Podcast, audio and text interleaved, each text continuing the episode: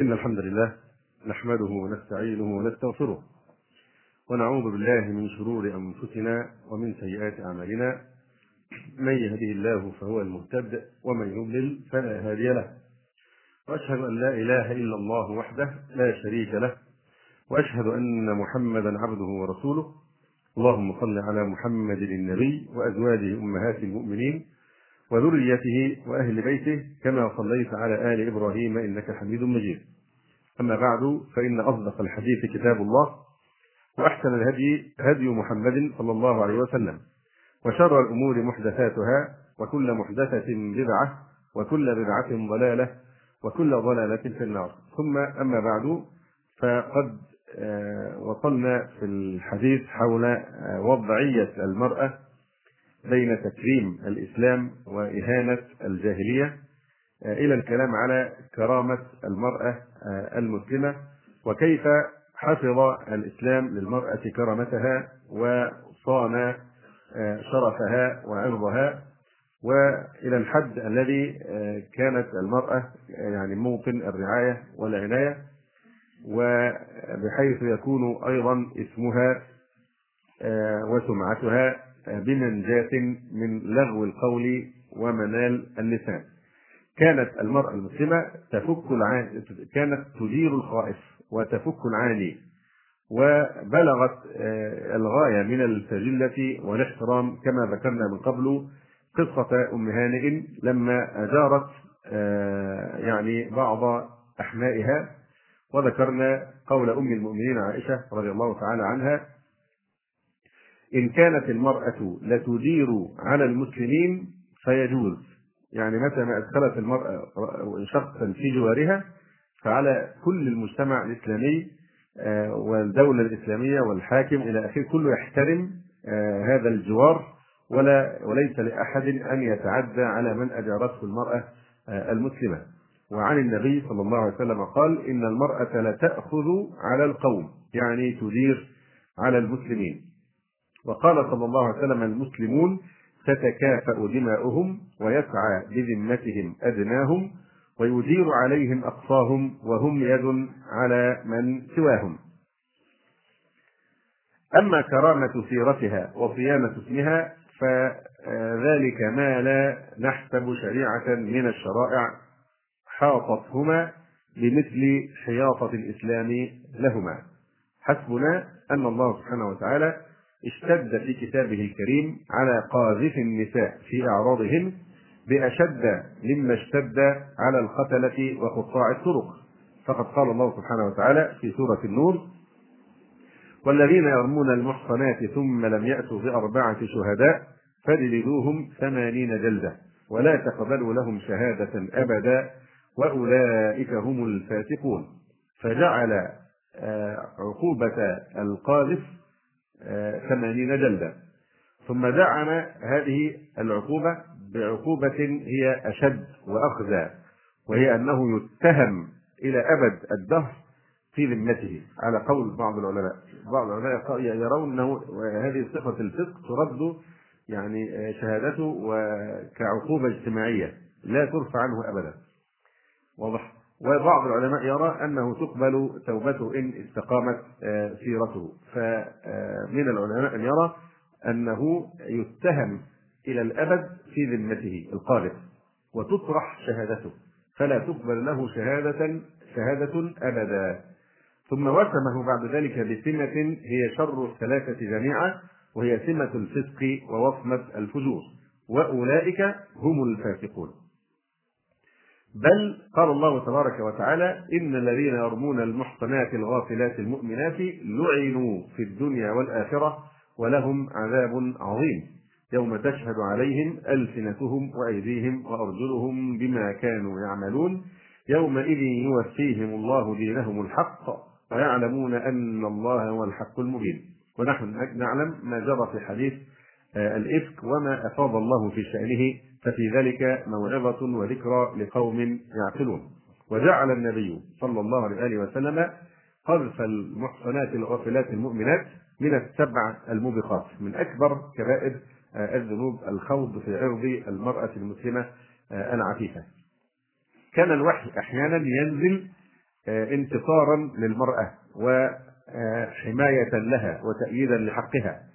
يقول أمير المؤمنين عمر بن الخطاب رضي الله تعالى عنه كنا في الجاهلية لا نعد النساء شيئا.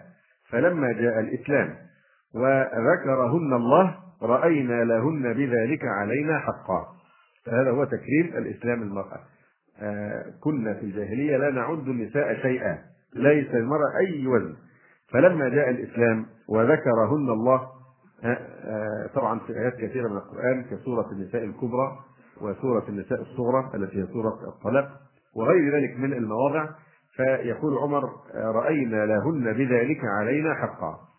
وعن ابن عمر رضي الله تعالى عنهما قال كنا نتقي الكلام والانبساط إلى نسائنا على عهد رسول الله صلى الله عليه وسلم هيبة أن ينزل فينا شيء فلما توفي تكلمنا وانبسطنا. فكان ابن عمر يحكي عن الصحابة أنهم كانوا يتقون الكلام والانبساط إلى نسائهم. يعني بمعنى أنه يتمادى مثلا في أو يتسامح في أي نوع من الأشياء أو الشدة في المعاملة. فكان كان الصحابة يخشون ذلك ويتقون ذلك خشية أن ينزل وحي فيهم. فيقول كنا نتقي الكلام والانبساط إلى نسائنا على عهد رسول الله صلى الله عليه وسلم هيبة أن ينزل فينا شيء. فلما توفي يعني وأمنوا انقطاع الوحي. تكلمنا وانبسطنا. وهذا رواه البخاري. طبعا يعني هذه الأمور التي كانوا يتركونها كانت من الأشياء المباحة التي كانوا يتركون الكلام فيها أو فعلها مع نسائهم من الأمور المباحة التي تدخل تحت البراءة الأصلية. فكانوا يخافون أن ينزل في ذلك منع أو تحريم. فبعد الوفاة النبوية يعني أمنوا ذلك ففعلوه تمسكا بالبراءة الأصلية. ونتأمل كيف انتصر الوحي لتلك لتلك المرأة التي جاءت تجادل رسول الله صلى الله عليه وآله وسلم. وحفلت كتب السنة بالروايات التي تفصل قصتها مع زوجها أوس ابن الصامت رضي الله عنه. تقول خولة بنت ثعلبة رضي الله تعالى عنها في والله وفي أوس بن الصامت أنزل الله صدر سورة المجادلة. قالت كنت عنده وكان شيخا كبيرا قد ساء خلقه. بدأت أخلاق زوجها يعني تتغير وتسوء لما كبر في السن. كان شيخ كنت عنده وكان شيخا كبيرا قد ساء خلقه. قال فدخل علي يوما فراجعته بشيء راجعته في شيء. فغضب. فقال أنت علي كظهر أمي. فقالت والذي نفس خويلة بيده لا تخلص إلي وقد قلت ما قلت حتى يحكم فينا الله ورسوله بحكمه. لأنه يعني أطلق هذه العبارة عبارة الظهار التي هي من سنن الجاهلية ومن شأن الجاهلية. فكما نبهنا مرارا لا يثبت مسلم أبدا أن يتورط في موضوع الظهار هذا. يعني تأتي مشاكل كثيرة نجد بعض الناس ينتسبون للالتزام ويقع في الظهار الظهار هذا من سنن الجاهلية. هذا إحياء لسنن الجاهلية واقتداء بسنة الجاهلية. هل كون له كفارة؟ يعني معناها أنه ممكن الإنسان يفعله؟ كاليمين مثلا إذا حلف على شيء وراء غيره خيرا منه لا. لا يجوز للمسلم ابتداء أن يقع في موضوع الظهار هذا لأن هذا من سنن الجاهلية ومن أفعال أهل الجاهلية. فغضبت خولة لما قال لها زوجها أنت علي كظهر أمي. أو ما شابه ذلك من العبارات الحديثة علي الحرام كذا إلى آخر هذه العبارات المعروفة. فقالت والذي نفس خويلة بيده لا تخلص إلي تحول بينه وبينها. وقد قلت ما قلت حتى يحكم فينا الله ورسوله بحكمه.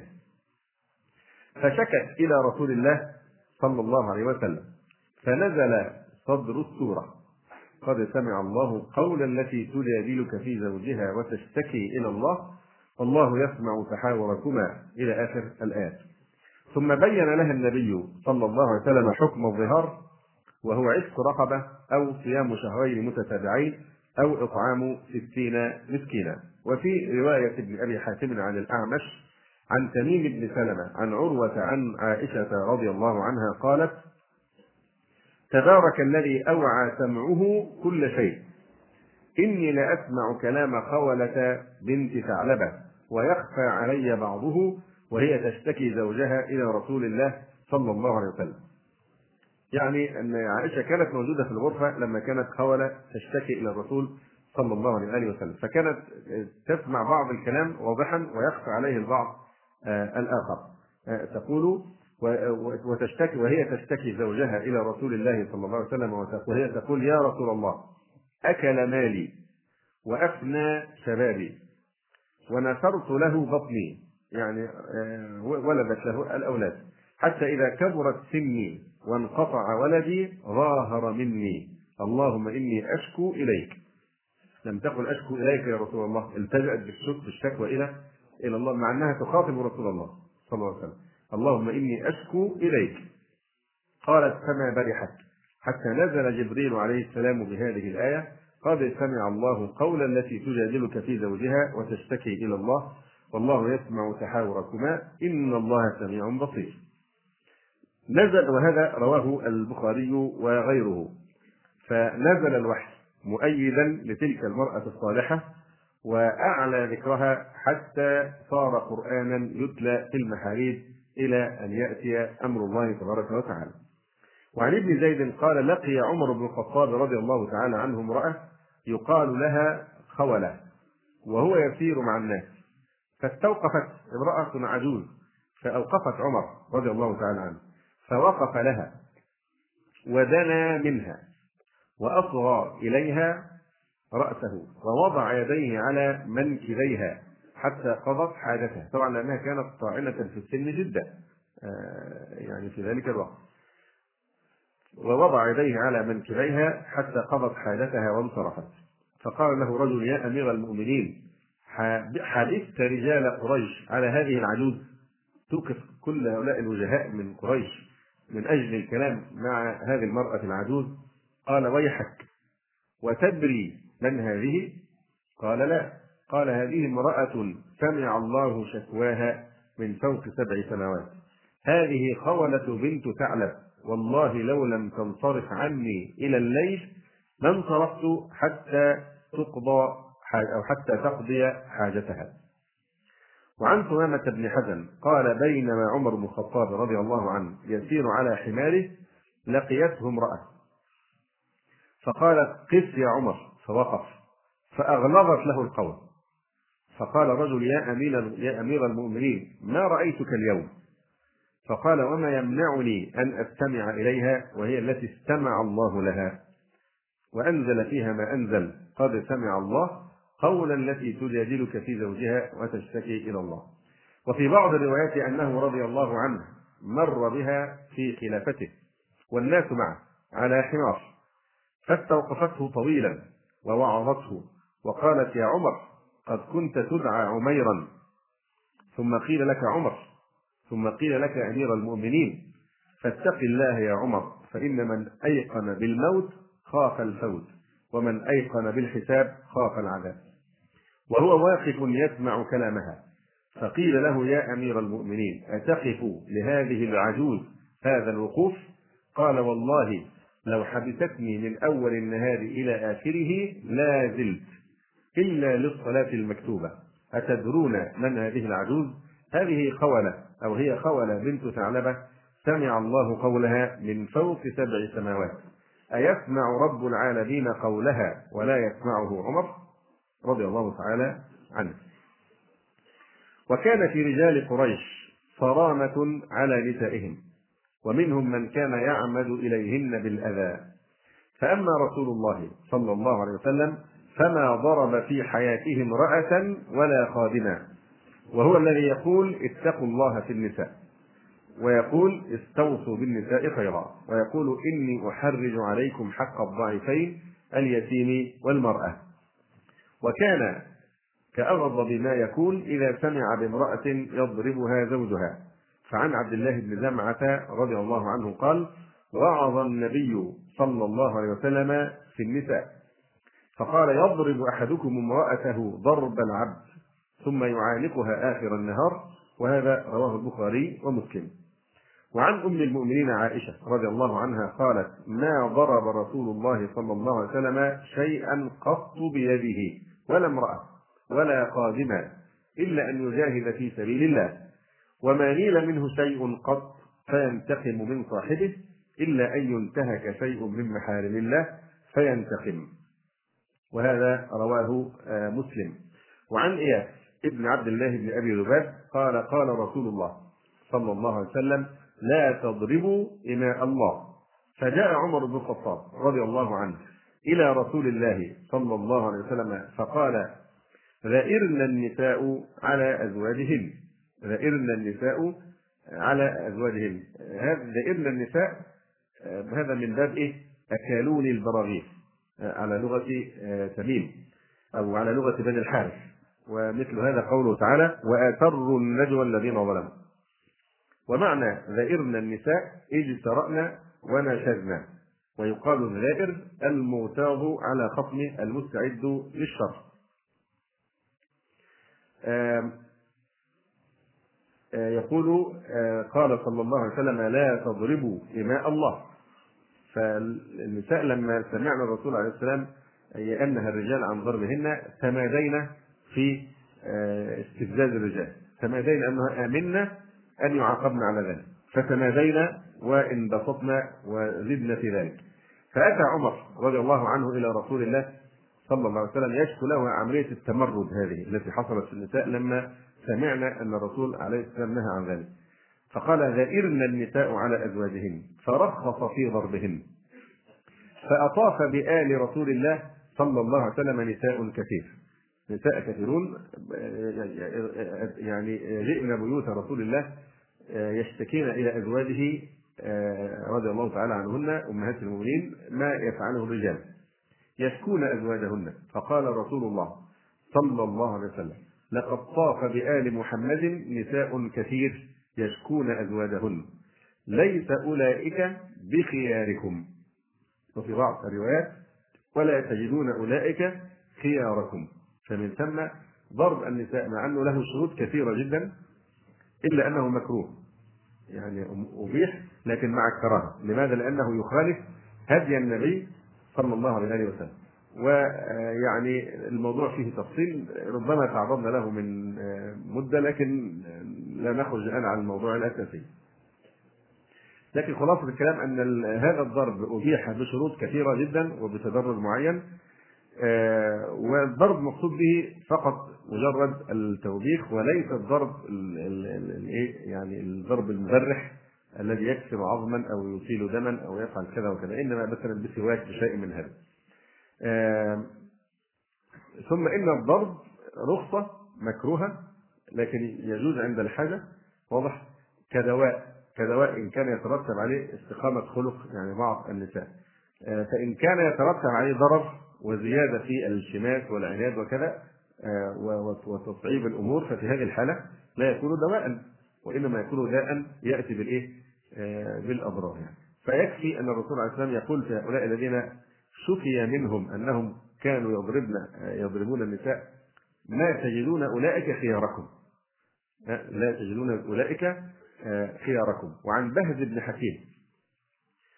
قال حدثني أبي عن جدي قال قلت يا رسول الله نساؤنا ما نأتي منهن وما نذر قال أت حرفك أن شئت.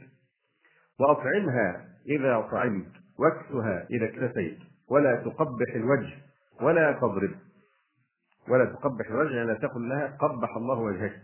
ولا تضرب. وفي رواية بزيادة ولا تهجر إلا في البيت.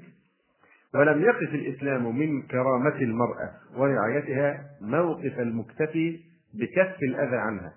يعني هذه الإشارة الأخيرة تتعلق بكف الأذى عنها. لكن آه، زيادة على ذلك رغب في الإحسان إليها واحتمال الأذى منها. فكان مما سنه رسول الله صلى الله عليه وسلم ترفيهها والحرص على سرورها. واجتناب ما يفرحها. ويشرح صدرها في حدود ما أباحه الله تعالى وفي غير معصية. فعن عائشة رضي الله تعالى عنها قالت كنت ألعب بالبنات عند رسول الله صلى الله عليه وسلم. وكان يأتيني صواحبي وكان يأتيني صواحبي.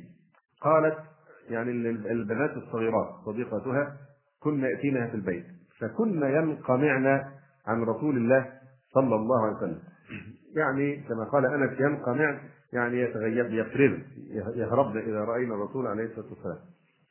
قالت فماذا كان يفعل النبي عليه الصلاة والسلام؟ كان يسربهن إلي فيلعبن معي.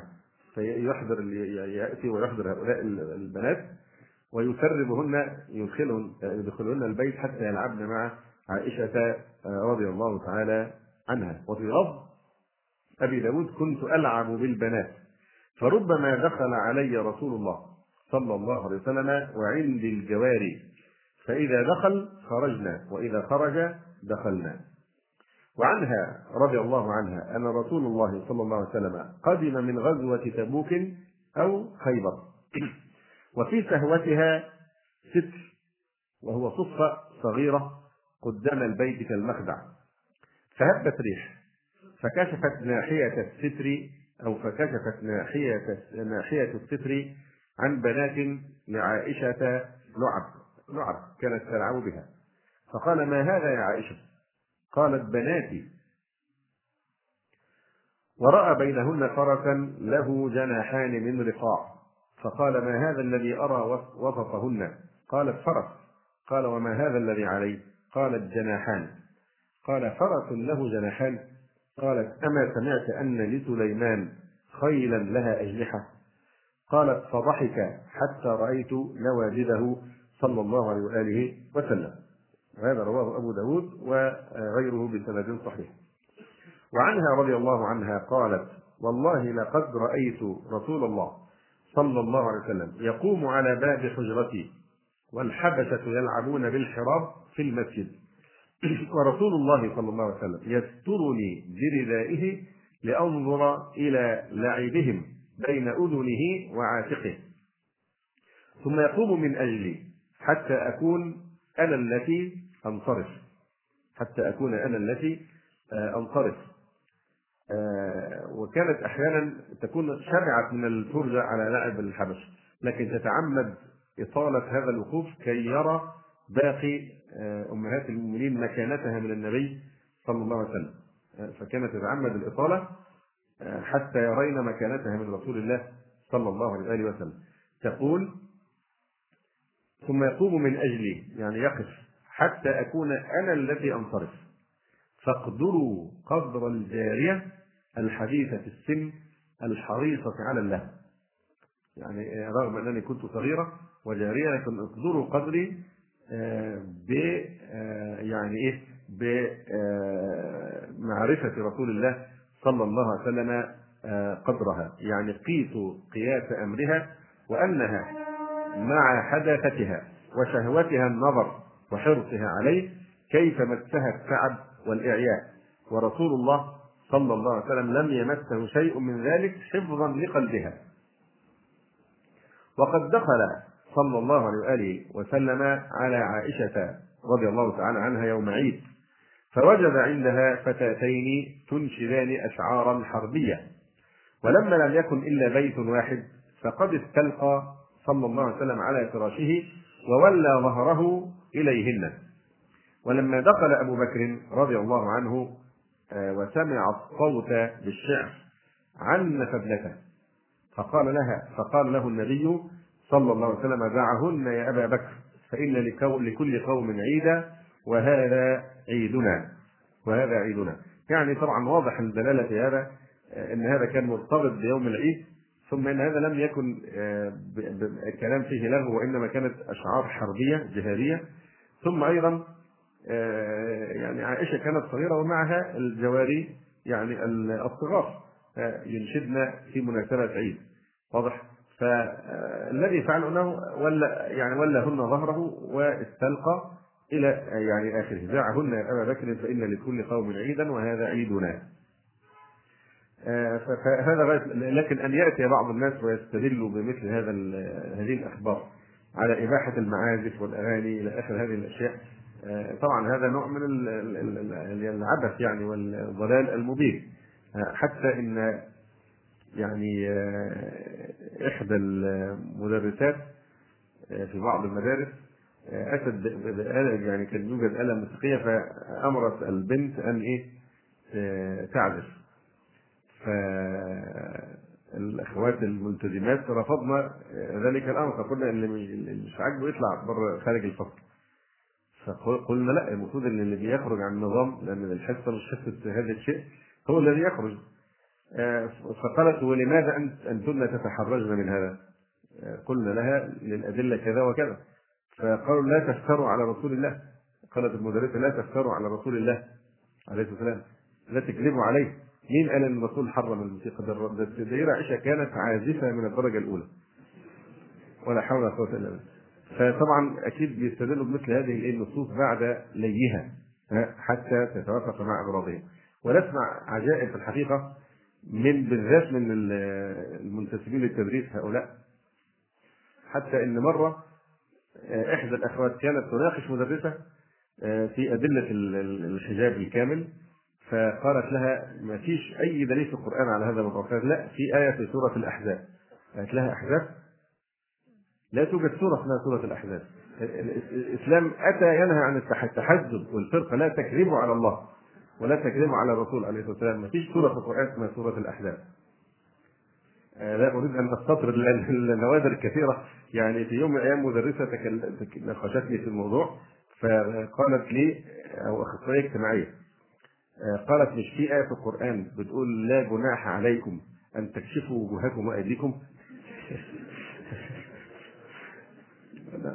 أنا ختمت القرآن من أوله من الجلدة للجلدة ما رأيت أي آية تتعلق بالحجاب إلى آخره. فيعني لما يكون الناس القائمون على التعليم والتربية بهذه المستوى من الجهل فكيف يكون غيرهم؟ أي نعم. من ذلك أيضا راعى الإسلام فطرة المرأة وفطرة النساء فأباح لهن اللهو في العرس فعن أم المؤمنين عائشة رضي الله تعالى عنها أنها زفت امرأة إلى رجل من الأنصار فقال نبي الله صلى الله عليه وسلم يا عائشة ما كان معكم له. ما كان معكم له يعني طبعا له مباح. فإن الأنصار يعجبهم اللهو. وهذا في البخاري. وعن محمد بن حاطب الجمحي رضي الله عنه قال قال رسول الله صلى الله عليه وسلم فصل ما بين الحلال والحرام الصوت بالدف. وفي رواية الدف والصوت. لماذا؟ لأن الدف والصوت الإنشاد يعرف به إعلان النكاح. هذه وسيلة من وسائل إيه؟ إشهار النكاح وإعلانه. كما في الحديث أعلنوا هذا النكاح واجعلوه في المساجد واضربوا عليه بالدفوف. واضربوا عليه بالدفوف. لكن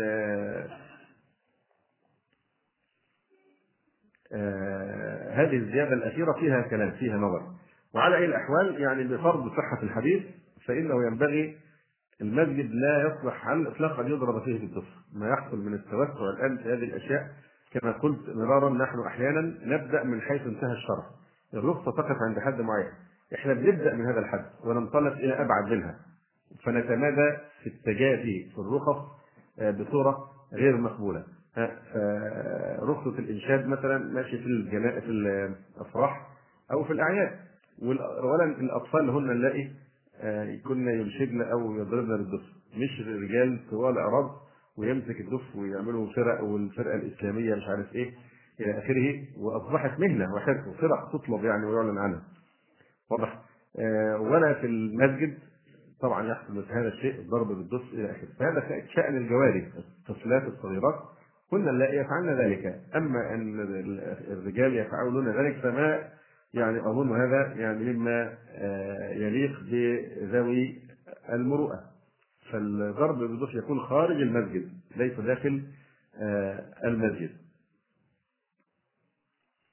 وعن عامر بن سعد رضي الله عنهما قال دخلت على قرظة بن كعب وأبي مسعود الأنصاري في عرس وإذا جوار يغنين. جوار بنات الصغيرات وإذا جوار يغنين. فقلت أي صاحبي رسول الله صلى الله عليه وسلم وأهل بدر يفعل هذا عندكم؟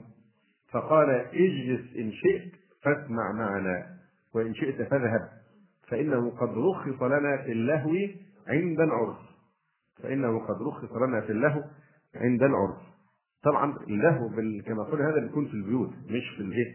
مش في داخل آه، المساجد. وطبعا الدف يشترط فيه الا يكون له جلاجل يعني ما يكون في الدف ال- الأشياء المعدنية هذه التي تلحق به فالدف المباح ما لا جلاجل له والغناء المباح هو الأشعار المباحة التي تنشدها الجواري الصغيرات بخلاف الكلام المحظور وغناء الفاجرات والمعازف الإبليسية التي شاعت في زماننا الآن. من مظاهر آه، مراعاة فطرة المرأة. وفي الحقيقة هذا الأمر من الأمور المهمة جدا آه، أن ال- الرجل لابد أن يفقه الفرق آه، بين ما تعود عليه بالذات قبل الزواج من التعامل مع الرجال وأصدقائه وإخوانه في مجتمع الرجال وبين التعامل مع المرأة. فالمرأة لابد من مراعاة فطرتها والترفق بها لأن المرأة هي عبارة عن كتلة من العواطف. فحسب.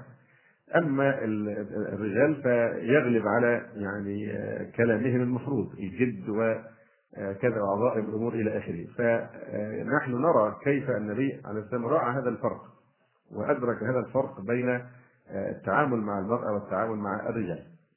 فقد كانت حياته صلى الله عليه وسلم في بيته المثل الأعلى في الموادة والموادعة والمواساة وترك الكلفة وبذل المعونة واجتناب هجر الكلام ومره وهو الذي يقول صلى الله عليه وسلم. آه، واضعا المعيار والمقياس الذي يقاس به خلق الإنسان. الحكم الحقيقي على الإنسان هو حكم آه، أهله وزوجته عليه. فإذا أثنت كانت هي الشهادة التي آه، يعتد بها.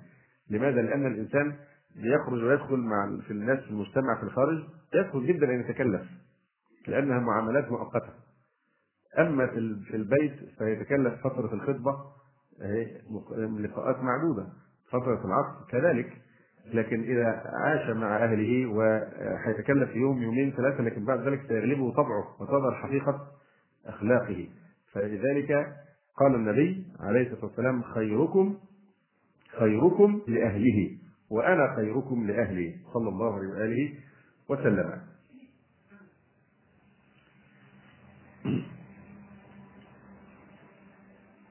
وعن الأسود قال سألت عائشة رضي الله تعالى عنها ما كان يصنع النبي صلى الله عليه وسلم في أهله. فقالت كان يكون في مهنة أهله. مهنة يعني الخدمة. كان يكون في مهنة أهله. فإذا حضرت الصلاة قام إلى الصلاة وهذا أخرجه البخاري. كان يكون في مهنة أهله يعني كان يعاون أهله ويعمل معهن.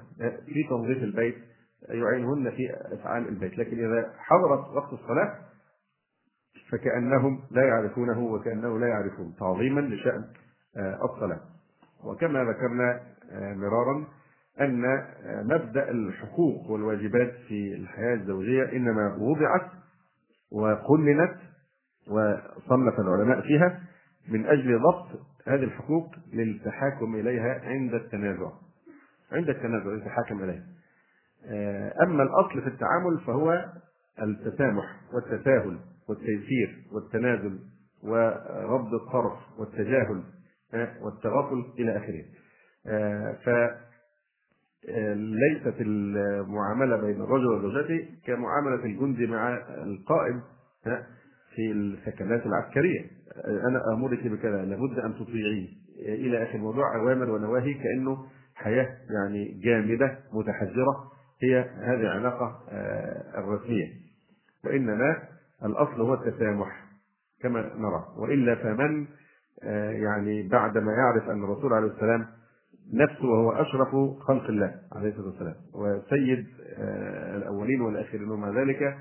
انظر إلى عائشة تقول كان في مهنة أهل بعض الناس قد يتأسف من أن يساعد أهله في عمل البيت. واضح. إذا كان الرسول نفسه كان في مهنة أهله.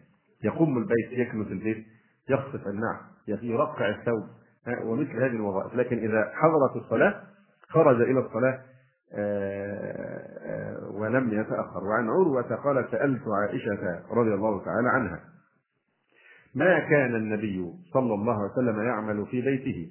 قالت يخصف نعله. يعني يخرزها يخيطها. ويعمل ما يعمل الرجل في بيته. وهذا أخرجه البخاري. وفي الأدب المفرد. وعنه أيضا أنها قالت ما يصنع أحدكم في بيته. يعني كان ككل الرجال. معناه إن ده كان آه، شيء معروف في المجتمع الإسلامي المجتمع الصحابي ما يصنع أحدكم في بيته. يقصف النعف ويرقع الثوب ويخيط. وعن عمرة قالت قيل لعائشة رضي الله تعالى عنها ماذا كان يفعل رسول الله صلى الله عليه وسلم في بيته؟ قالت كان بشرا من البشر. يفلي ثوبه ويحلب شاته ويخدم نفسه. صلى الله عليه وآله. وسلم. وفي بعض آه، وروى ابن سعد عنها قالت كان ألين الناس وأكرم الناس وكان رجلا من رجالكم إلا أنه كان بساما. صلى الله عليه وسلم. يعني يغلب عليه التبسم آه، لا التكشير والامتعاض ونحو ذلك. وفي قولها كان ألين الناس وأكرم الناس. يعني كما أشرنا يعني آه، في هذه المعاملة بين المرأة وزوجها ما بتكونش يعني واحد زائد واحد تساوي اثنين لكن ممكن واحد زائد واحد تساوي 10 تساوي 20 تساوي صفر. فموضوع القوانين القادمة هذه وجب يعني المواد الحقوق هذه والواجبات للتحاكم إليها عند التنازع لكن الأصل هو آه، التسامح والتغافر كما ذكرنا. وعنها رضي الله عنها أنها سئلت ما كان يصنع رسول الله صلى الله عليه وسلم إذا دخل بيته؟ قالت كما يصنع أحدكم يشيل هذا ويحط هذا ويخدم في مهنة أهله. وفي رواية كان صلى الله عليه وسلم يخدم في مهنة أهله ويقطع لهم اللحم ويقم البيت ويعين الخادم في خدمته. وعن أنس رضي الله عنه قال خادمت رسول الله صلى الله عليه وسلم عشر سنين فما قال لي أف قط. كلمة أف نفسها التي هي معنى أتذكر أو أتوجع هي كلمة تبرم وملال. فعشر سنوات ما سمع النبي صلى الله عليه وسلم منه كلمة أف. وما قال لي لشيء صنعته لما صنعته ولا لشيء تركته لما تركته وكان رسول الله صلى الله عليه وسلم من أحسن الناس خلقا. آه، فهكذا كان تسامح رسول الله صلى الله عليه وسلم. لا يستوفي حقه لأن الكريم لا يستوفي وإنما يتغافل ويفوت ولا يعني يقف عند كل صغيرة وكبيرة. فانظر إلى كيف وصف أنس خلقه وكان من أحسن الناس خلقا وهو الذي شهد له الله سبحانه وتعالى بذلك فقال وإنك لعلى خلق عظيم. لم يقل إنك لذو خلق عظيم. وإنك لعلى يعني كأنه هو متمكن وجالس فوق الشيء متمكن منه تماما لشدة رسوخ حسن الخلق آه، فيه صلى الله عليه وآله وسلم. طبعا هذا التسامح ورفع الكلفة آه، إنما هو فيما يتعلق بحظ الإنسان حقوقه هو مثلا. أما الأمور الواجبة شرعا فلا يمكن ابدا أن يحصل فيها تسامح ولا يحمد فيها التسامح لأنها من باب الأمر بالمعروف والنهي عن المنكر. فمثلا لا يتسامح في الصلاة. ما يجيش مثلا واحد لا يوقظ أولاده عشان البرد. أو كانوا سهرانين كتير بالليل بلاش نتعبهم ونصحيهم في الفجر نخليهم في آخر الوقت. هذه رأفة في دين الله. والله سبحانه وتعالى يقول ولا تأخذكم بهما رأفة في دين هذا مذموم. فالتسامح والتساهل في غير إيه؟ حقوق الله. لكن في حظ نفسه. واضح؟ وكان صلى الله عليه وسلم من التبسط ورفع الكلفة إلى حد أن يستبق هو وامرأته. كما جاء عن أم المؤمنين عائشة رضي الله عنها أنها كانت مع رسول الله صلى الله عليه وسلم في سفر وهي جارية. قالت لم أحمل اللحم ولم أبدل يعني لم تثمن فقال لأصحابه تقدموا فتقدموا يعني حتى لا يروها وهما يتسابقان. تقدموا انصرفوا بعيدا فتقول ثم قال لها تعالي أسابقك. فسابقته فسبقته على رجلي. جرت هي وجرى الرسول عليه وسلم فهي التي سبقت الرسول صلى الله عليه وسلم. فلما كان بعده طبعا مدة كبيرة مرت بعد ذلك بدليل إنها حملت اللحم حملت فأخذت مدة أكيد. فلما كان بعد خرجت معه في سفر. فقال لأصحابه تقدموا. ثم قال تعالي أسابقك. ونسيت الذي كان. نسيت الايه؟ الواقعة الأولى. وقد حملت اللحم وبدنت فقلت كيف أسابقك يا رسول الله وأنا على هذه الحال؟ فقال لتفعلن فسابقته فسبقني. فجعل يضحك. وقال هذه بتلك السبق. في تعادل الآن. هذه بتلك السبق. فيعني هذا من حسن خلقه صلى الله عليه وآله. وسلم لم يعيرها بقى بالسنة وإلى آخره ويكدر عليها في كل حين كما يحصل من الناس في مثل هذه الأشياء. لكن كان كما ترون. وعن عمر رضي الله عنه قال تغضبت يوما على امرأتي فإذا هي تراجعني فأنكرت أن تراجعني. يعني كيف ترد علي؟ عمر بن الخطاب وترد عليه زوجته؟ تغضبت يوما على امرأتي فإذا هي تراجعني. فأنكرت أن تراجعني. فقالت ما تنكر أن أراجعك. فوالله إن أزواج رسول الله صلى الله عليه وسلم لا يراجعنه وتهجره إحداهن اليوم إلى الليل. قال فانطلقت عمر استعد من هذا الكلام. لأنه فكر في مين؟ في حفصة ما هي إحدى أمهات المؤمنين. قال إذا حفصة بتعمل كده. في بلاغ وصلوا إن حفصة ممن يفعلن ذلك مع الرسول عليه السلام. تغضبت يوما على امرأتي فإذا هي تراجعني فأنكرت أن تراجعني. فقالت ما تنكر أن أراجعك؟ فوالله إن أزواج رسول الله صلى الله عليه وسلم لا يراجعنه وتهجره تخاصمه وتبعد عنه. وتهجره إحداهن اليوم طول النهار إلى الليل. قال فانطلقت. فدخلت على حفصة. فقلت أتراجعين رسول الله صلى الله عليه وسلم؟ قالت نعم. قلت وتهجره إحداكن اليوم إلى الليل؟ قالت نعم. قلت قد خاب من فعل ذلك منكن وخسر. إلى آخر آه، الحديث. وقال أنس رضي الله عنه في حديثه عن صفية رضي الله عنها فكان صلى الله عليه وسلم يحوي لها وراءها بعباءة يعني لما تزوج صفية رضي الله تعالى عنها وكان يريد أن يركبها البعير أو الجمل ماذا كان يفعل؟ كان يحوي لها وراءها بعباءة يذكرها من خلفها بعباءة ثم يجلس عند بعيره يجلس عند البعير الجمل فيضع ركبته فتضع صفية رضي الله تعالى عنها رجلها على ركبته صلى الله عليه وسلم حتى تركب وعن عائشة رضي الله تعالى عنها قالت أتيت النبي صلى الله عليه وآله وسلم بخزيرة قد طبختها له. يعني هو لحم يقطع ويصب عليه ماء كثير فإذا نضج ضر عليه الدقيق. أتيت النبي صلى الله عليه وسلم بخزيرة قد طبختها له. فقلت لسودة رضي الله تعالى عنها والنبي بيني وبينها كلي فأبت. فقلت لتأكلين أو لألطخن وجهك. فأبت. فوضعت يدي في الخزيرة فطليت وجهها. الناس اللي بيقولوا على المسلمين بيحرموا الضحك داخل البيوت. الضحك حرام وفي فرمان القصة المختلقة بتاعت المرأة المجهولة هذه.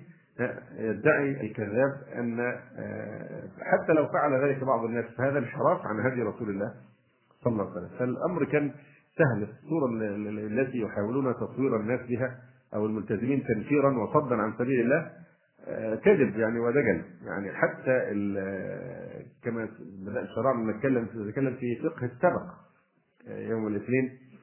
فنجد يعني أيضا سلوكيات الصحابة في هذا حياة عادية جدا مش حياة يعني إيه بالصورة المتشنجة التي يصورون الملتزمين بها تنفيرا عن الدين وصدا عن سبيل الله.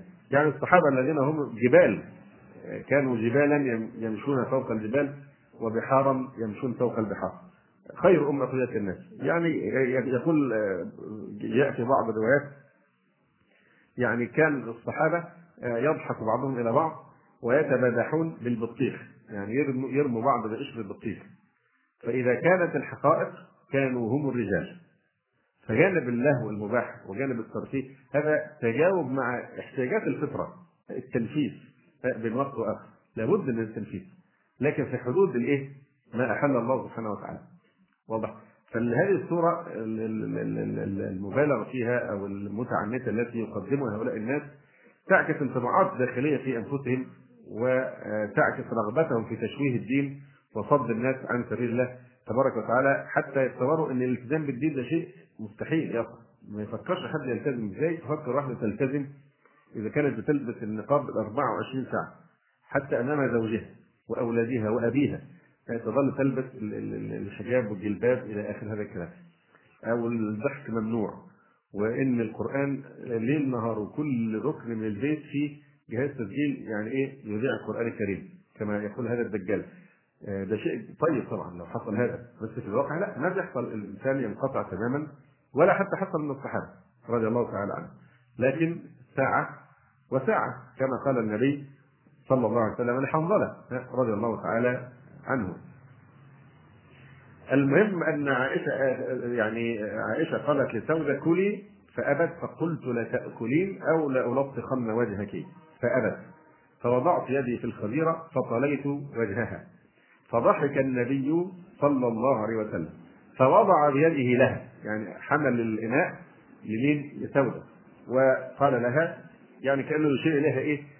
قال لها الطخي وجهها بالمثل فضحك النبي صلى الله عليه وآله وسلم. وفي رواية فخفض لها ركبته لتستقيل مني يعني يبدو انه كان جالس بين الاثنين وركبته مرتفعة فخفض ركبته حتى تستطيع أن تصل إليها وتستقيم فتناول فتناولت من الصحفة شيئا فمسحت به وجهي ورسول الله صلى الله عليه وسلم يضحك. وعن النعمان بن بشير رضي الله عنهما قال جاء أبو بكر يستأذن على النبي صلى الله عليه وسلم. فسمع عائشة رضي الله تعالى عنها وهي رافعة صوتها على النبي صلى الله عليه وسلم. فأذن له. فدخل. فقال يا ابنة أم رومان يا ابنة أم رومان أترفعين صوتك على رسول الله صلى الله عليه وسلم؟ وتناولها أبوها رضي الله تعالى عنها أو عنهما.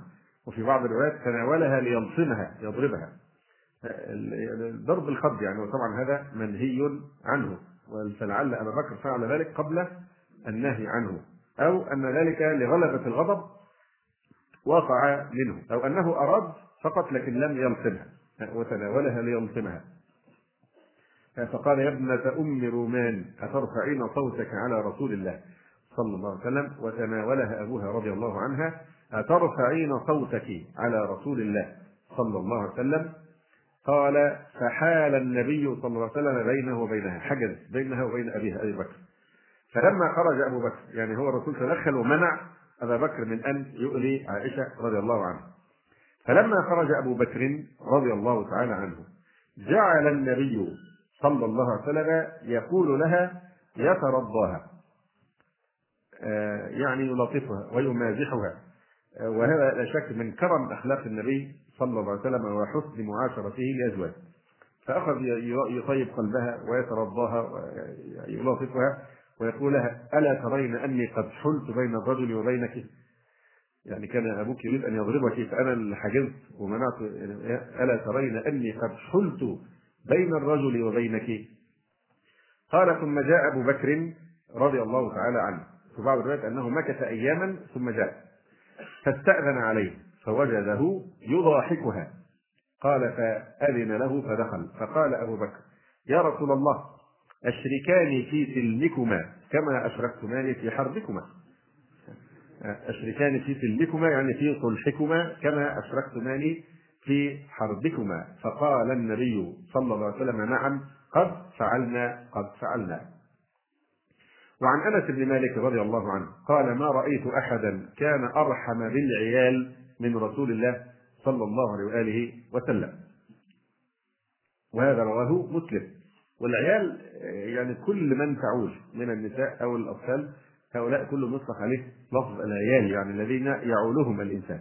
مش بالمفهوم الآن الموجود من قصرها على الأطفال فقط لا العيال من الإعالة والنفقة والقيام بشأنهم. وقال صلى الله عليه وسلم في خطبة حجة الوداع فاتقوا الله في النساء فإنكم أخذتموهن بأمانة بأمان الله. واستحللتم فروجهن بكلمة الله وهذا رواه مسلم. وفي رواية ألا واستوصوا بالنساء خيرا فإنهن عوان عندكم. جمع عانية يعني أسيرة أسرى فإنهن عوان عندكم. ليس تملكون منهن شيئا غير ذلك إلا أن يأتين بفاحشة مبينة. فشبه النساء بالأسرى عند الرجال لتحكمهم فيهن واستيلائهم عليهن. وقال صلى الله عليه وسلم إن أكمل المؤمنين إيمانا أحسنهم خلقا وخياركم خياركم لنسائكم. وقال صلى الله عليه وسلم استوصوا بالنساء خيرا فإن المرأة خلقت من ضلع وإن أعوج ما في الضلع أعلاه فإن ذهبت تقيمه كسرته وإن تركته لم يزل أعوج. فاستوصوا بالنساء استوصوا بالنساء خيرا فإن المرأة خلقت من ضلع. الضلع الضلوع القفص الصدري اللي هي الريش ها؟ آه وإذا إنسان نظر لهذا الضلع بيجد في نهايته عند نقطة اتصاله بالعمود الفقري في الظهر يكون في تقوس شديد. فالمرأة خلقت من ضلع آدم عليه السلام. وإن أعوج ما في الضلع أعلاه. اللي فيها انعواج جامد هي الأعلى شيء. بعض العلماء قالوا إن هذه إشارة إلى صعوبة لسان المرأة لأنه في أعلى جسدها. اللسان يأتي بمشاكل كثيرة. ويقول فإن ذهبت تقيمه كسرته هذا الضلع أو هذا العظم. هل هناك أمل في أنك يكون زي الخيزران مثلا الخيزران تتنيه كده فيلين معك؟ لا. إذا حاولت أن تجعله يستقيم ويبقى يعني معتدلا لا سبيل إلى ذلك، يعني لا يوجد أمل في أن تغير هذه الطبيعة. فإن ذهبت تقيمه كسرته، يعني من أراد امرأة كاملة في كل شيء فلن يجد امرأة على الإطلاق فيها ذلك بل سيطلق كل من يتزوجها. فإن ذهبت تقيمه كسرته وكسر المرأة طلقها، وإن تركته لن يزل أعوج. فاستوصوا بالنساء، هل هذا الحديث يراد به الحط من كرامة المرأة؟ لا. ده فيه إشارة لمراعاة الفروق الفطرية بين الرجل وبين المرأة. وهي فروق واقعية. بمعنى أن المرأة وده المفروض النساء يعني في الحقيقة يفرحن بهذا الحديث. ده في صف النساء. لماذا؟ لأنه يوفر لهن عذرا في في في كثير من أخطائهن. ودي حقيقة واقعة أن المرأة لا تتعمد في أحيانا في نوع من العوج هي مجبولة عليه ولا أمل في إصلاحه. فبالتالي الإنسان لما يعني يقر بهذه الحقيقة سوف يتكيف مع هذا الوضع ويستسلم له ويتجاوز ويتغفل ويمضي الأمور بحيث يعني إيه لا يحصل مشكلات يعني بين وقت وآخر. فيعني فإن استوصوا بالنساء خيرا فإن المرأة خلقت من ضلع وإن أعوج ما في الضلع أعلاه. فإن ذهبت تقيمه كسرته وإن تركته لم يزل أعوج. فاستوصوا بالنساء هذا أمر بالإيه؟ بالصبر على هذا العوج الفطري الذي لا سبيل إلى إصلاحه. لماذا؟ المرأة كما ذكرنا يعني تتحكم في الأمور بعاطفتها بخلاف يعني الرجل. ويقول الله سبحانه وتعالى لقد جاءكم رسول من أنفسكم عزيز عليه ما عنتم حريص عليكم بالمؤمنين رؤوف رحيم. فهذا من رحمته بالمرأة أنه بين عذرها وأنها لا تتكلف هذا العوج.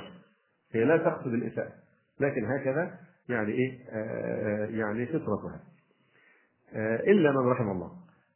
آه من آداب الإسلام أو تأثير الإسلام في المرأة أن الإسلام يعني أبطل عادات الجاهلية في الجنائز، تجد النساء أكثر مشاكل تحصل النساء مصادمات للشرع بتظهر في حالتين. الغلو في حالة الفرح وفي حالة السرح. في المصائب لأن الحكم العاطفة دايما العاطفة هي الغالبة وجياشة فتجد عند المصائب يفعلن مصائب إلا ما رحم الله عند الأفراح يعني إيه؟ يأتيهم أيضا بمصائب. إلا الملتزمات طبعا. لازم ف يعني ال ال ال ال ال ال وكلنا نعرف ذلك. يعني بالذات الجنائز المرأة إذا خرجت أو رأت الجثة وهي خارجة أو حضرت الدفن يحصل أنها لا تتحكم أبدا في انفعالاتها فربما صدر منها ما يتصادم مع الشرع الشريف. فتأثرت المرأة بتهذيب الإسلام وتأديبه وخرجت عما احتكم بها في الجاهلية من عادة نافرة وتقليد ذميم. وكان أول ما لقنت المرأة من أدب الله ورسوله صلى الله عليه وسلم الاعتصام بالصبر إذا دجى الخطب ودل المصاب. فحال الإسلام بينها وبين ما كانت تعتاده في الجاهلية. إذا ذهب الموت بعزيز لها أو كريم من آلها من شق الجيوب ولطم الوجوه إلى غير ذلك مما ذكرناه من شأن الجاهلية. نعود من جديد ونؤكد أن بعض النساء يصررن على إحياء ثمن الجاهلية التمسك بهدي الجاهلية ورفض هدي من هديه خير الهدي صلى الله عليه وآله وسلم. فأيضا كما ذكرنا آه، خصائص الجاهلية في الموقف من المرأة عدم توريث النساء بغض ولادة البنات هذا إحياء لسنة الجاهلية الإسلام قضى على هذا تماما من ذلك أيضا آه، عادات الجاهلية في الجنائز والأشياء الصعبة. الغريب أننا نجد الآن من يحيينا سنة الجاهلية بالذات بعض الأماكن مثلا آه، في النوبة مثلا يفعلن أشياء آه، فظيعة جدا من أن يأتون بمسحوق معين لون لونه أزهر يعني ويعني يصبغن به وجوههن أو يأتين بالتراب يحسينه على رؤوسهن. والإسعاد مجاملة بعضهن بعضا في الجنائز آه، بالكذب والتزوير تيجي واحدة تجامل الثانية وترد لها الجميل لما يموت لها واحد هي كمان تيجي آه، تفعل هذه الأشياء. آه، نعم. فيعني ف فهذا رسول الله صلى الله عليه وآله وسلم يبايع النساء في المدينة. كان من ضمن الفاظ البيعة على ألا ينحن ولا يخمشن وجها ولا يشققن جيبا ولا يدعين ويلا ولا ينشرن شعرا ولا يقولن هجرا أو هجرا. فألا ينحن من النواح واضح؟ ونحن للأسف الشديد أحيانا نحيي نياحة الجاهلية الرجال أيضا.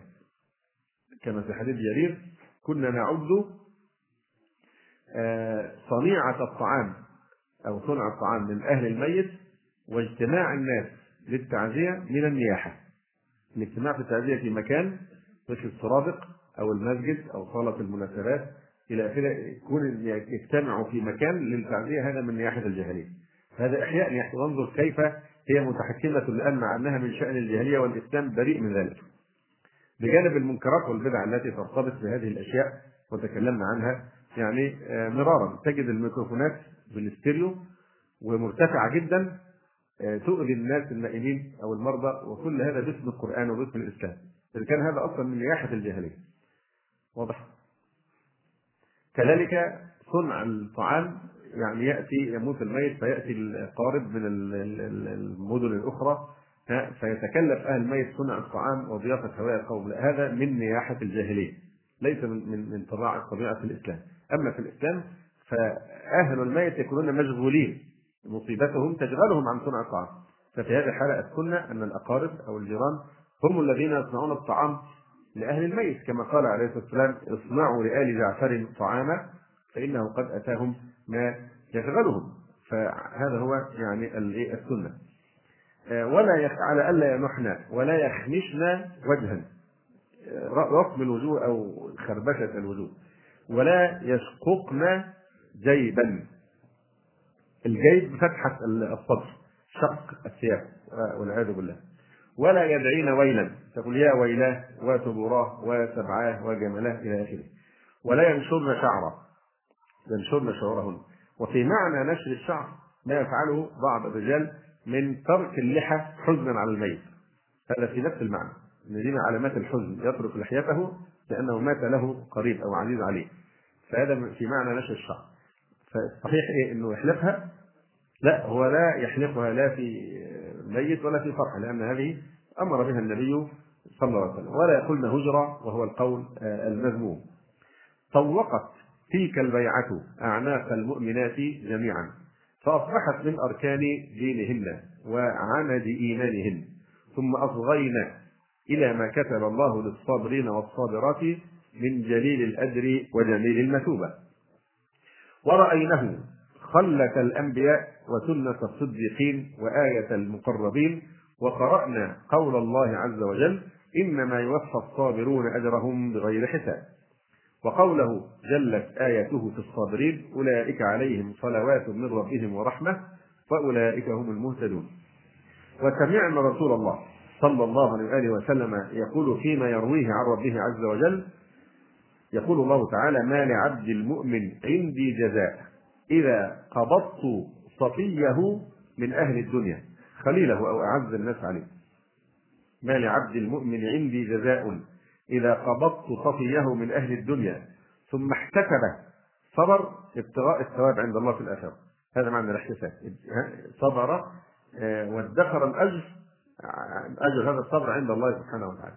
ما لعبد المؤمن عندي جزاء إذا قبضت صفيه من أهل الدنيا ثم احتسبه إلا الجنة. إلا الجنة وهذا رواه البخاري.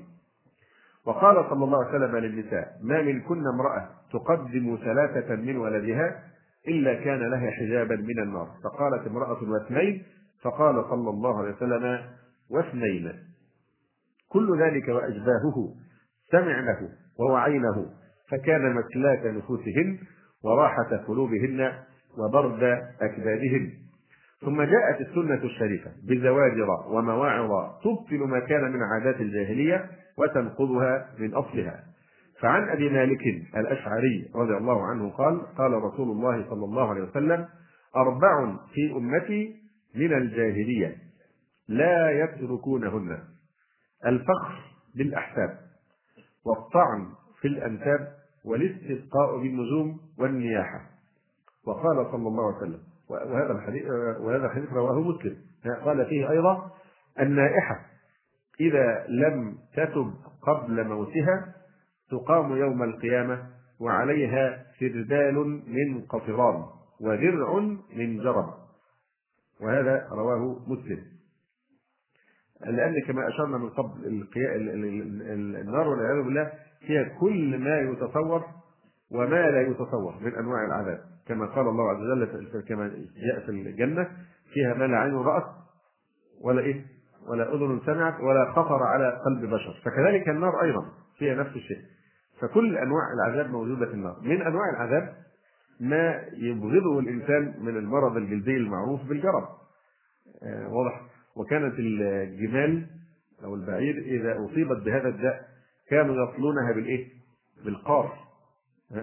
أو اللي هو الزفت الأسود هذا فكانوا يصلونها بالإيه؟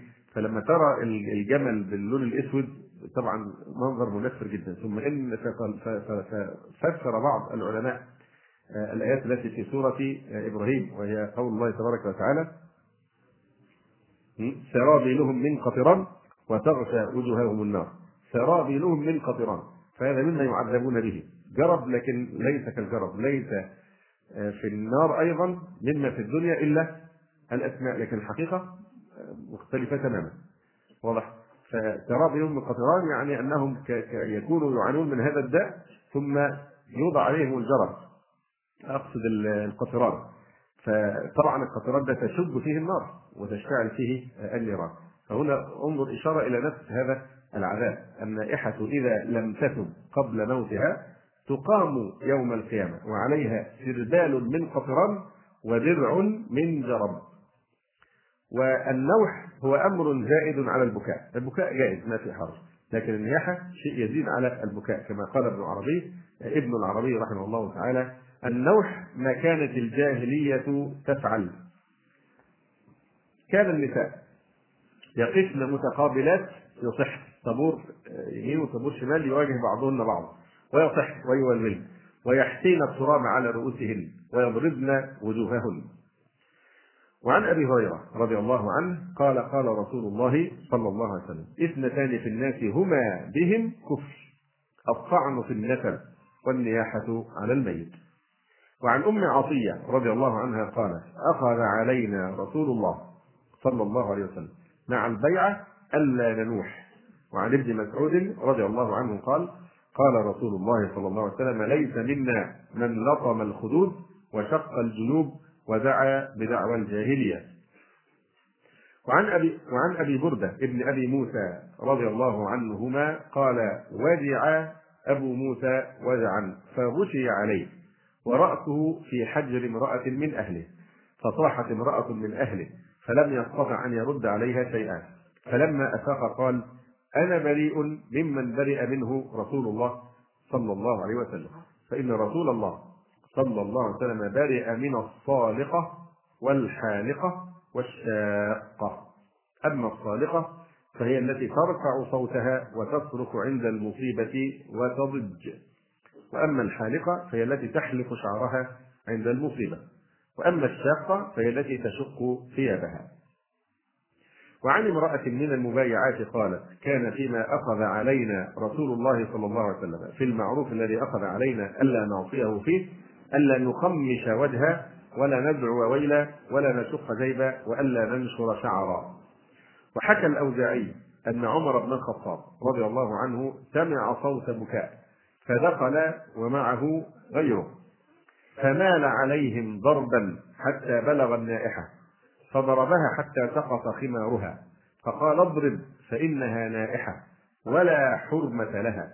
إنها لا تبكي لشجوكم إنها تهريق دموعها على أخذ دراهمكم وإنها تؤذي موتاكم في قبوركم وأحياكم في دورهم.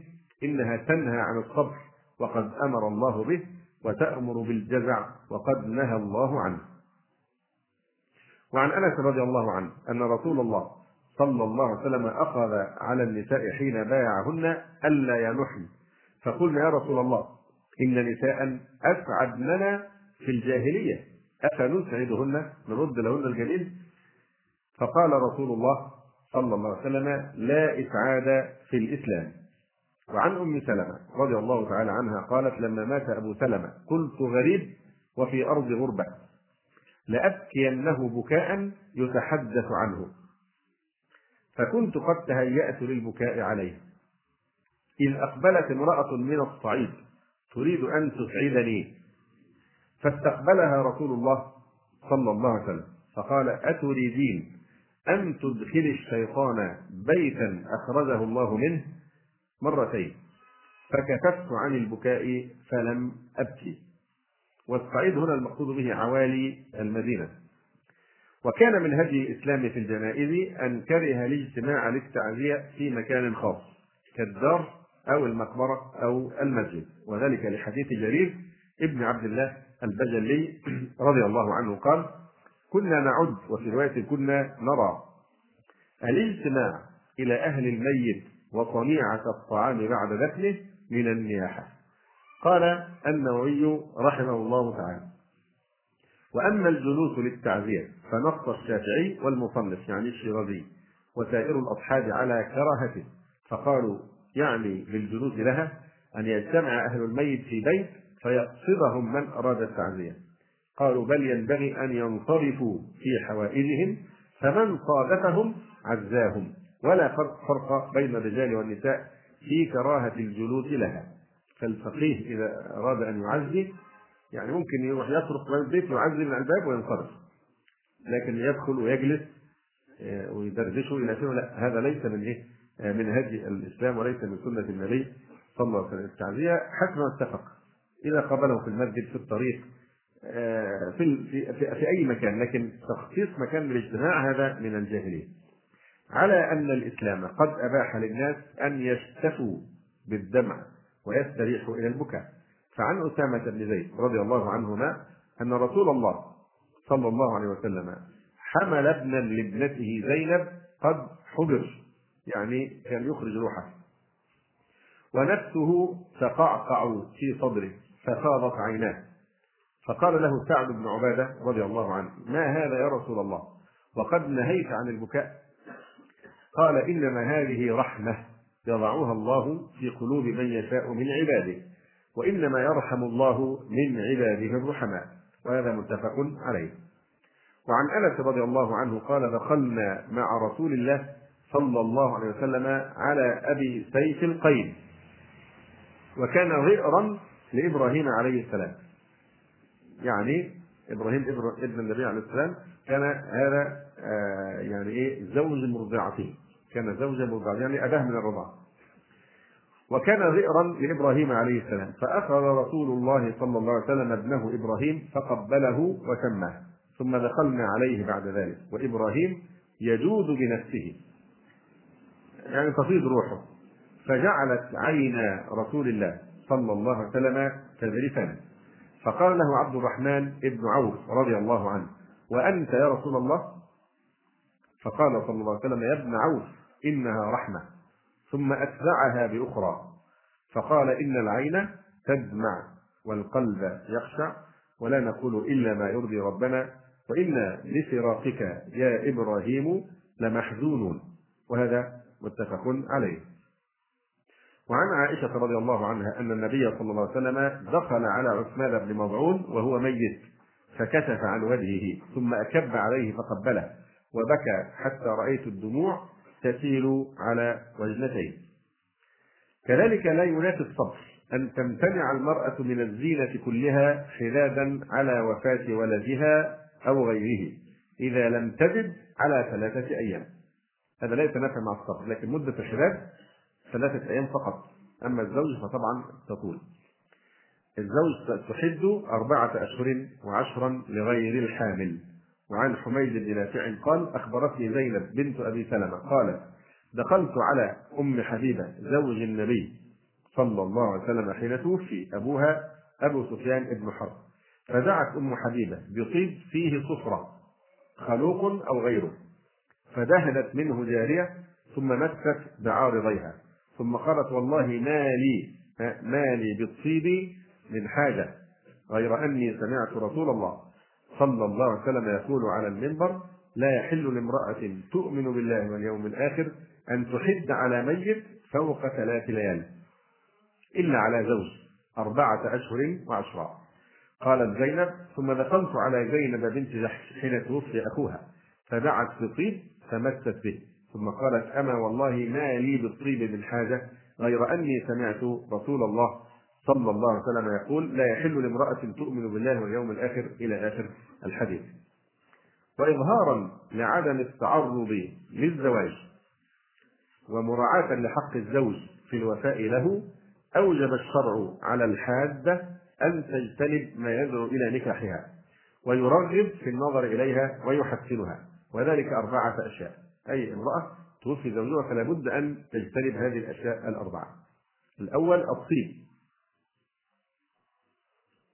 آه الطيب آه طبعا تجتنب الحد إلا عند أدنى طهرها إذا طهرت من حيضها بنبذة أو أظفار. والثاني اجتناب الزينة في نفسها كالخضاب والتحمير والحف وما أشباهه مما يحسنها كالاكتحال بالإسمد لكن لا تمنع المرأة من التنظيف في أثناء فترة العدة أو الحداد. لا تمنع من تقليم الأظفار ويعني إزالة ما ندب إلى إزالته من الشعر أو الاغتسال بالسدر والامتشاط به. كذلك تجتنب زينة الثياب المصبغة للتحسين وتجتنب الحلي الذهب. لا تلبس الحلي الذهب. فيحرم عليها لبس الحلي كله حتى الخاتم في قول عامة أهل العلم. الثالث مما تجتنبه الحادة النقاب. النقاب. وما في معناه مثل البرقع ونحوه. لكن هذا مثل الحج مش معناه أنها تكشف وجهها أمام الأجانب. واضح؟ لكن تجتنبه فإذا احتاجت إلى ستر وجهها أسدلت عليه كما تفعل المحرمة. الرابع المبيت في غير منزلها. لا تبيت في غير منزلها. فيجب على الحادة أن تعتد في المنزل الذي مات زوجها وهي ساكنة به سواء كان مملوكا لزوجها أو بإجارة أو عارية إلا لعذر. آه، عمد الإسلام بعد ذلك إلى مشاعر المرأة فهذبها عمد إلى قلبها فاستل سخيمته وأخرج ضغينته وطهره من غل السائر ونزعة الانتقام وكان ذلك من أشد ما يجيس به صدرها وتهتف به نفسها ويقذف آه، حممه فمها ولسانها فاليوم وقد شرع الله القصاص في الدنيا والآخرة واستنقذ العرب من مفارق الفرقة ومنازع الفتن وألف بين قلوبهم فأصبحوا بنعمته إخوانا فقد تبدل الحقد ودا واستحالت البغضاء ولاء. وأن يكون لسخائم النفوس وتطلب الأوتار من أثر في صدر المرأة المؤمنة وقد لعن رسول الله صلى الله عليه وسلم الداعين بدعوة الجاهلية. ليس منا من فعل كذا أو كذا ومن دعا بدعوة الجاهلية. وما دعوة الجاهلية إلا أن يقول الرجل أو المرأة يا لفلان أو يا, لبني فلان استغاثة بالقبيلة انصر أخاك ظالما أو ظالما هو عندهم في الجاهلية ودي من سمات الجاهلية. فمن أحياها فهو أيضا متبع في الإسلام أو مبتغ في الإسلام سنة الجاهلية. والنبي صلى الله عليه وسلم يقول ألا كل شيء من أمر الجاهلية موضوع تحت قدمي. سواء دعوة الجاهلية حكم الجاهلية حمية الجاهلية غم الجاهلية إلى آخره نياحة الجاهلية إلى تبرج الجاهلية. فالمرأة كانت تكفي لإشعال حرب بين قبيلتين أن واحد يصرخ يقول يا لفلان استغيث بالقبيلة. تهب القبيلة تعقد الألوية وتجيش الجيوش وتنتضي السيوف وتخاض الدماء سواء كان هذا ظالما أو مظلوما. ينتصر لبلديه أو من ينتسب لقبيلته سواء ظالما أو مظلوما. وهذا هو حلف الجاهلية آه، المذموم. أما في الإسلام فتنصر أخاك انصر أخاك ظالما أو مظلوما. معروف كيف ننصره مظلوما. لكن كيف ننصره ظالما؟ فاستفسر الصحابة فقال لهم النبي صلى الله عليه وسلم أن تكفه إيه؟ تأخذ على يده وتكفه عن آه، ظلمه وهل التنبيه عابر؟ نسيت أنبه عليه مرارا. أي أخ يرسل سؤال ليس من حق أحد في الطريق انه يفتح الورقة ويقرأها؟ لأن ممكن تكون مشكلة شخصية. لا يحب السائل أن إيه؟ أن يطلع عليها. ولذلك السائل يحتاط يضعها في ظرف مغلق أو نحو ذلك. لأن أحيانا تكون أسئلة فيها نوع من الخصوصيه فقد يدفع الفضول آه، بعض الناس لقراءة هذه الاسئله من الأشياء المفروض الخصوصيه نحترمها. فاللي باعت ورقة فيها سؤال وإن كان إحنا الأسئلة بنناقشها مع بعض بعد الدرس. لكن اللي يرسل ورقه ما حدش يفتحها في الطريق لو سمحت. وهل طوي قلب على أشد وأهول مما طوي عليه قلب هند ابنة عتبة من سموم الموجدة ونيران العداوة لرسول الله صلى الله عليه وسلم وآل بيته؟ فهم الذين قتلوا آلها يوم بدر واستقادوا زوجها يوم زحفهم على مكة. وهي التي أهدر النبي صلى الله عليه وسلم دمها يوم فتح مكة جزاء تمثيلها بجثمان عمه حمزة رضي الله عنه يوم أحد. وكانت بقرت بطنه بعد مصرعه وأخرجت كبده فلاكتها ثم لفظتها. وتلك شر نزعات الجاهلية روي أن هندا جاءت تبايع رسول الله صلى الله عليه وسلم وهي مقنعة. سادة النقاب أو القناع حتى لا يعرفها الرسول عليه السلام.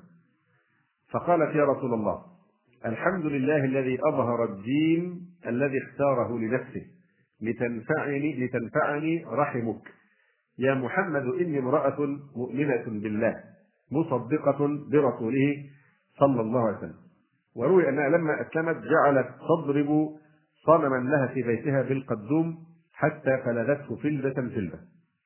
ثم قالت كنا معك في غرور. كنا معك في غرور. فبعدما قالت ذلك كشفت عن نقابها فقالت أنا هند بنت عتبة. فقال رسول الله صلى الله عليه وسلم مرحبا بك. فقالت والله ما كان على الأرض أهل خباء.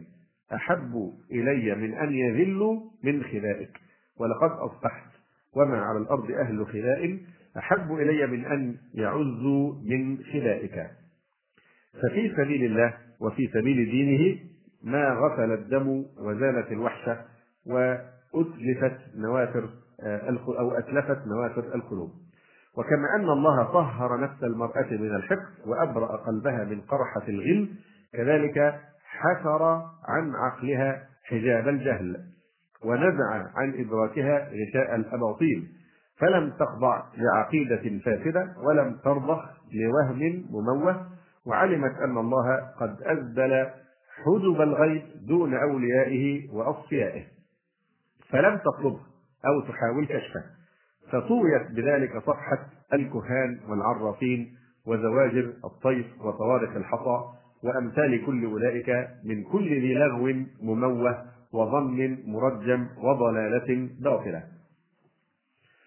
وتبينت أن الأمر كله بيد الله وأنه وحده مقلب القلوب ومحول الحالات فلم تحتل على الحب واللقاء والبرء والشفاء ومد حبل العمر ورد سهم القدر بتعليق الخرجات والاستقاء بنائها ولا بقول الرقى الشركية وعقد التمائم.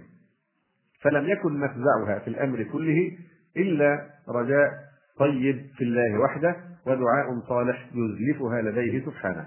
وبطل ما كانت تعتقد في المعاني التي ألبسها الخيال لبوسا من الأشباح المترائية والخيالات الخرافية كل أولئك محاه الدين وماحقه العلم الصحيح وبدد ظلماته نور التوحيد ومن الآثار التي جاءت في ذلك ما رواه قيس بن السكن الأسدي قال دخل عبد الله بن مسعود رضي الله عنه على امرأته فرأى عليها حرزا من الحمرة حرزا من آه، الحمرة فقطعه قطعا عنيفا ثم قال إن آل عبد الله عن الشرك أغنياء إن آل عبد الله عن الشرك أغنياء قال وكان كان مما حفظنا عن النبي صلى الله عليه وسلم إن الرقى والتمائم والتولة شرك.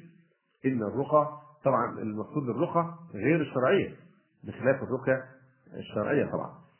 فالمقصود إن الرقى آه، غير الشرعية وهي التي يكون فيها استعاذة بالجن أو كانت مما لا يفهم معناه بلغة آه، وأما التمائم فجمع تميمة وكانت خرزات تعلقها العرب على رأس الولد لدفع العين طبعا هذه سنة الجاهلية تعود الآن للأسف آه، بصورة جديدة حتى الخرزات هذه بدأوا الآن يعملوا أشياء اللي هي الملونة باللون الأزرق أو اللبني توضع في العيادات وفي السيارات ويستوي فيها يعني العالم مع الجاهل أو المتعلم مع الجاهل آه، التماس البركة أو استعمالها يعني كتمائم. فكانت تعلق هذه الخرزات على الولد آه، لتدفع العين عنه. وقيل هي تعليق أو مثله يعني من مثل هذه التمائم تعليق نعل الفرس على باب الدار أو حدوة الفرس. أو تعليق بعض الناس الآن نعلا حذاء كده صغير تجده في مقدمة المرسيدس والشبح والفانتوم يعلقوا حذاء ده إيه؟ ده بيحمل سيارة من التميمة هذا من الشرك هذا من الشرك. إن الرقى والتمائم والتولة شرك. وعن عقبة بن عامر الجهني رضي الله تعالى عنه أن رسول الله صلى الله عليه وسلم أقبل إليه رهط فبايع تسعة وأمسك عن واحد. فقالوا يا رسول الله بايعت تسعة وتركت هذا. قال إن عليه تميمة فأدخل يده فقطعها فبايعه. وقال صلى الله عليه وسلم من علق تميمة فقد أشرك. ويروى عنه رضي الله عنه قال سمعت رسول الله صلى الله عليه وسلم يقول من تعلق تميمة فلا أتم الله له ومن تعلق ودعه فلا ودع الله له. يعني لا جعله في بعث ولا سكون ولا خفف عنه ما يخافه. وعن أبي بشير الأنصاري رضي الله عنه أنه كان مع رسول الله صلى الله عليه وسلم في بعض أسفاره فأرسل رسولا ألا تبقين في رقبة بعير قلادة من وفر أو قلادة إلا قطعت. وعن رويفع رضي الله عنه قال قال لي رسول الله صلى الله عليه وسلم يا رويفع لعل الحياة تطول بك فأخبر الناس أن من عقد لحيته أو تقلد وطرا أو استنجى برجيع دابة أو عظم فإن محمدا بريء منه. وعن أبي هريرة رضي الله عنه أن النبي صلى الله عليه وسلم قال من أتى عرافا أو كاهنا فصدقه بما يقول فقد كفر بما أنزل على محمد. صلى الله عليه وسلم. وعن عمران بن حصين رضي الله عنهما مرفوعا ليس منا من تطير أو تطير له أو تكهن أو تكهن له أو سحر أو سحر له. ومن أتى كاهنا فصدقه بما يقول فقد كفر بما أنزل على محمد صلى الله عليه وسلم. وقال صلى الله عليه وسلم من أتى عرافا فسأله عن شيء فصدقه لم تقبل له صلاة أربعين ليلة. لم تقبل له صلاة أربعين ليلة. وهذا آخر ما تيسر هذه الليلة. لكن يعني كما ذكرنا بين وقت وآخر سنتعرض في دقائق معدودات لقضية من القضايا المتعلقة بتربية الأطفال. لأنه لا يتيسر الآن إفرادها بدروس. آه، فنترككم دقيقتين تستريحوا ثم نعود بعدها إن شاء الله مش يعني الذي لا يهم الأمر ممكن ينصرف. لا في حرج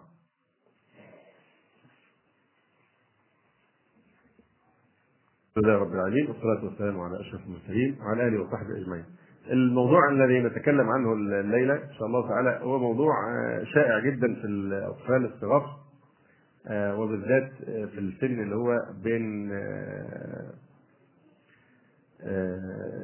سنة ونص أو سنة إلى سنة ونص تقريبا ممكن يكون أكثر بعد كده وهو ما يسمى بنوبات الغضب نوبات الغضب الطفل مثلا يريد شيء معين فإذا لم يحقق له هذا الشيء يصرخ ويرمي نفسه على الأرض ويغضب وتستمر هذه النوبة يعني مدة معينة. فمن المظاهر الشائعة عند الأطفال في هذا السن ما بين سنة إلى سنة ونصف أو بعد ذلك نوبات الغضب. ودي ما بتكون يعني مش شرط يستطيع أن يتحكم فيها. الطفل الصغير اللي يزرجن بهذه الطريقة ما بيقدرش يتحكم فيها. حتى إن طفلا يقول لي يا أمي يا أمي أنا حينما يحصل لي ذلك. ها؟ وبقعد أبكي وأصرخ وأنا عايز أوقف لكن مش بقدر. واضح؟ فده سر السماء كلمة النوبة إن هي بتبقى بتاخد وقتها وبتعديها فهذه النوبات شيء طبيعي وعام عند جميع الأطفال في هذا السن. ولا تعتبر ذات صفة مرضية إلا إذا كانت عنيفة جدا ومتكررة بشكل زائد يعني معدلها كثير وشديدة عنيفة. وتمتد فترة طويلة نسبيا. هذا هذه هي فقط يعني تعتبر غير طبيعية. لكن في الفترة اللي هي السنة سنة ونصف ممكن بتكون نوبات الغضب شيئا طبيعيا في هذه المرحلة وبالذات في بداية هذه المرحلة. بسبب ظروف تتعلق بالطفل من ناحية وتتعلق بعلاقته بالأبوين من ناحية أخرى. فأما من ناحية الطفل فما هي الظروف التي تدفعه إلى هذا السلوك الذي نعده في الأصل طبيعيا؟ الطفل في هذه المرحلة تدفعه للفعل دوافع بدائية دوافع بدائية قوية. ونقول بدائية لأنه لم يتعلم بعد كيف يتحكم في هذه الدوافع. فهي دوافع بدائية قوية ولا يكون قد تعلم بعد كيف يتحكم فيها. وبالتالي بتزداد حساسيته لأي شيء يعوقه عن إشباع حاجاته. يكون حساسا جدا لأي إعاقة عن تحصيل حاجاته التي يرغب فيها. فنجد أبسط المواقف المواقف يمكن أن تثير لدى الطفل نوبات الغضب.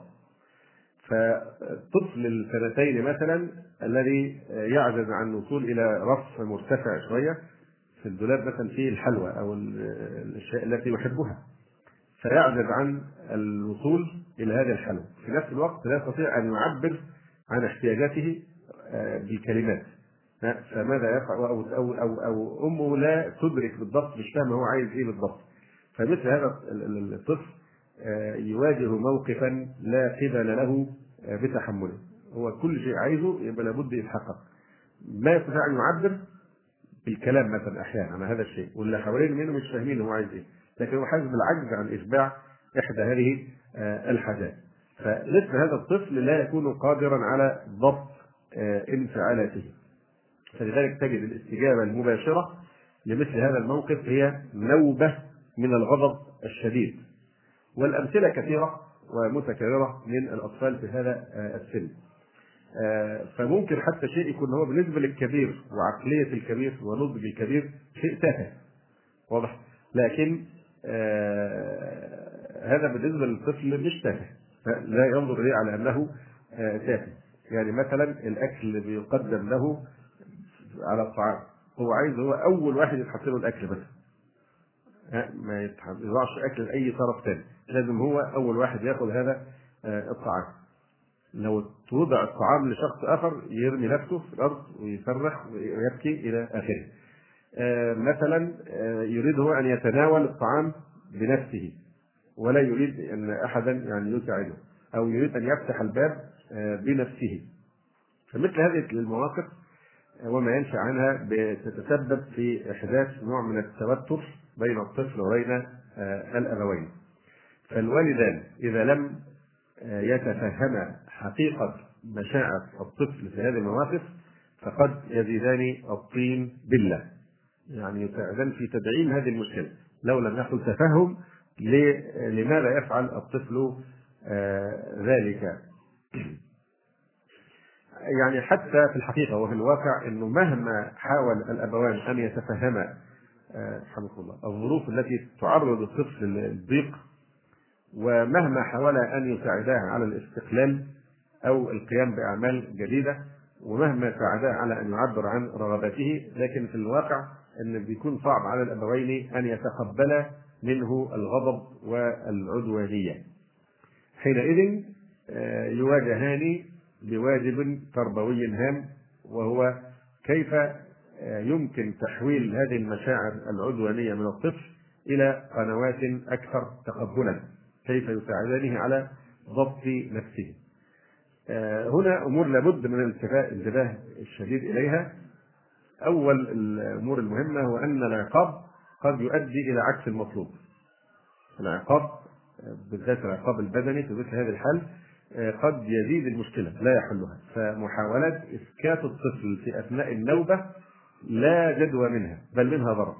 ان هي نوبه نوبه زي نوبه الفرع أو نوبه هذا الجيل وما ما هو بيتفتح في في هذه الثورة لحد ما تاخد وقتها. فلازم إيه نستسلم له يعني محاولة إن تضربه وإنه لازم يسكت وهعمل كذا لو عمل كذا أو إلى آخر هذه الشدة وهذا العنف هذا لا يفيد على الاطلاق في مثل هذه الحالة بل يؤدي إلى عكس. المطلوب والشدة معه في أثناء النوبة تجعل مدتها تطول أكثر هيتمادى أكثر في آه، طولها. لماذا؟ لأنه أثناء هذه النوبة ليس عند الطفل أي استعداد للاقتناع بل ليس عنده استعداد للاستماع لوجهة نظر أو النصيحة أو التهديد. فلن يفيد العقاب أو التهديد أو العنف في مثل في أثناء النوبة. آه، أيضا إذا صرخت في وجه الطفل أو ضربته بغرض إسكاته. يعني العنف طبعا هو الضرب أو الشدة ديك زي ما قلنا هتزود الحاله وهتطول مدتها. ولا تأتي بأي فائدة لأنه مش مستعد يسمع نصائح ولا نقد ولا أي شيء. هو دخل فيها لازم يكملها. آه سلوك آخر بعض الناس قد تصرخ تصرخ في الطفل أو آه تشتد عليه بغرض أن آه يسكت. هذا أيضا آه، ليس فقط لا يفيد لكنه يأتي بضرر اخر وهو أنه يجعل من الولدين قدوة سيئة آه، يعني بحيث إن هو هيتعلم منهما عكس المطلوب. عكس المطلوب. فموضوع الشدة والعنف والزعيق والشخط وهذه الأشياء آه، مع الطفل بعقليته آه، يعني يأتي بعكس المطلوب. يعني أذكر طفلا كان يعني استيقظ من من ال... لأن التربية زي ما قلنا التربية دي مش مش حصة حصة اسمها حصة التربيه هو بيتعلم من اللي بيشوف. طريقة الكلام طريقة الأكل طريقة التعامل مع الآخرين طريقة الرد على التليفون طريقة التفاعل مع الأحداث. هذه هو يشوف كيف تفعل ويفعل مثلك. حتى الصلاة يتعلمها بالتقليد والمحاكاة. فالأب والأم أسوة وقدوة وأي خلل في سلوكهما هي تربية وغرس لهذا السلوك في الطفل. فكان هذا الطفل استيقظ النوم بيصرخ ويبكي. وبيقول إن إنه رأى آه، يعني أسد ضخم جدا زي اللي شفته في جنينة حديقة الحيوانات والأسد ده فاتح بقه انيابه يعني أسنانه ظاهرة وعايز إيه ياكلني آه، قالوا له أنت يعني آه، إيش عرفك؟ يعني أبوه بيقول له أو أمه إيش عرفك؟ إن يعني صوته زي صوت الأسد الحقيقي. قال له إن هو صوته زي صوتك يا بابا لما بتزعق لماما فشوف هو ترجمها لإيه؟ إن دي يعني تصرف فالعمليه الانفعال أمامه وأنت بتديله قدوة كيف يتصرف إذا غضب. الحل إنه يصرخ ويزعق ويشتد ويغلط. فنفس الشيء هو بيتعلم نفس السلوك. فإذا عملية مواجهة نوبه الغضب بنفس الأسلوب العنف والشخط والشتيمة والتهديد ده آه، مش هيجيب فايدة. زي ما قلنا إنه مش مستعد يسمع أي نوع شيء يعني يعني آه، يحجزه عن هذا السلوك. وفي نفس الوقت بيديله نموذج وقدوة سيئة يتصدع بها ويتقمصها. كذلك يعني هناك بعض أسباب تكون وراء ذلك مثل القيود الكثيرة على حركة الطفل وعلى تصرفاته وانفعالاته. يعني سيبه ينفس سيبه يتحرك سيبه يعني يبقى في نوع من الحرية والانطلاق. لكن الكبت بالصغار والتقييد والتعليمات المشددة في كل شيء. كذلك أيضا ممكن التنافس الذي يحصل بين الإخوة. ممكن تفضيل بعض الأولاد على بعض.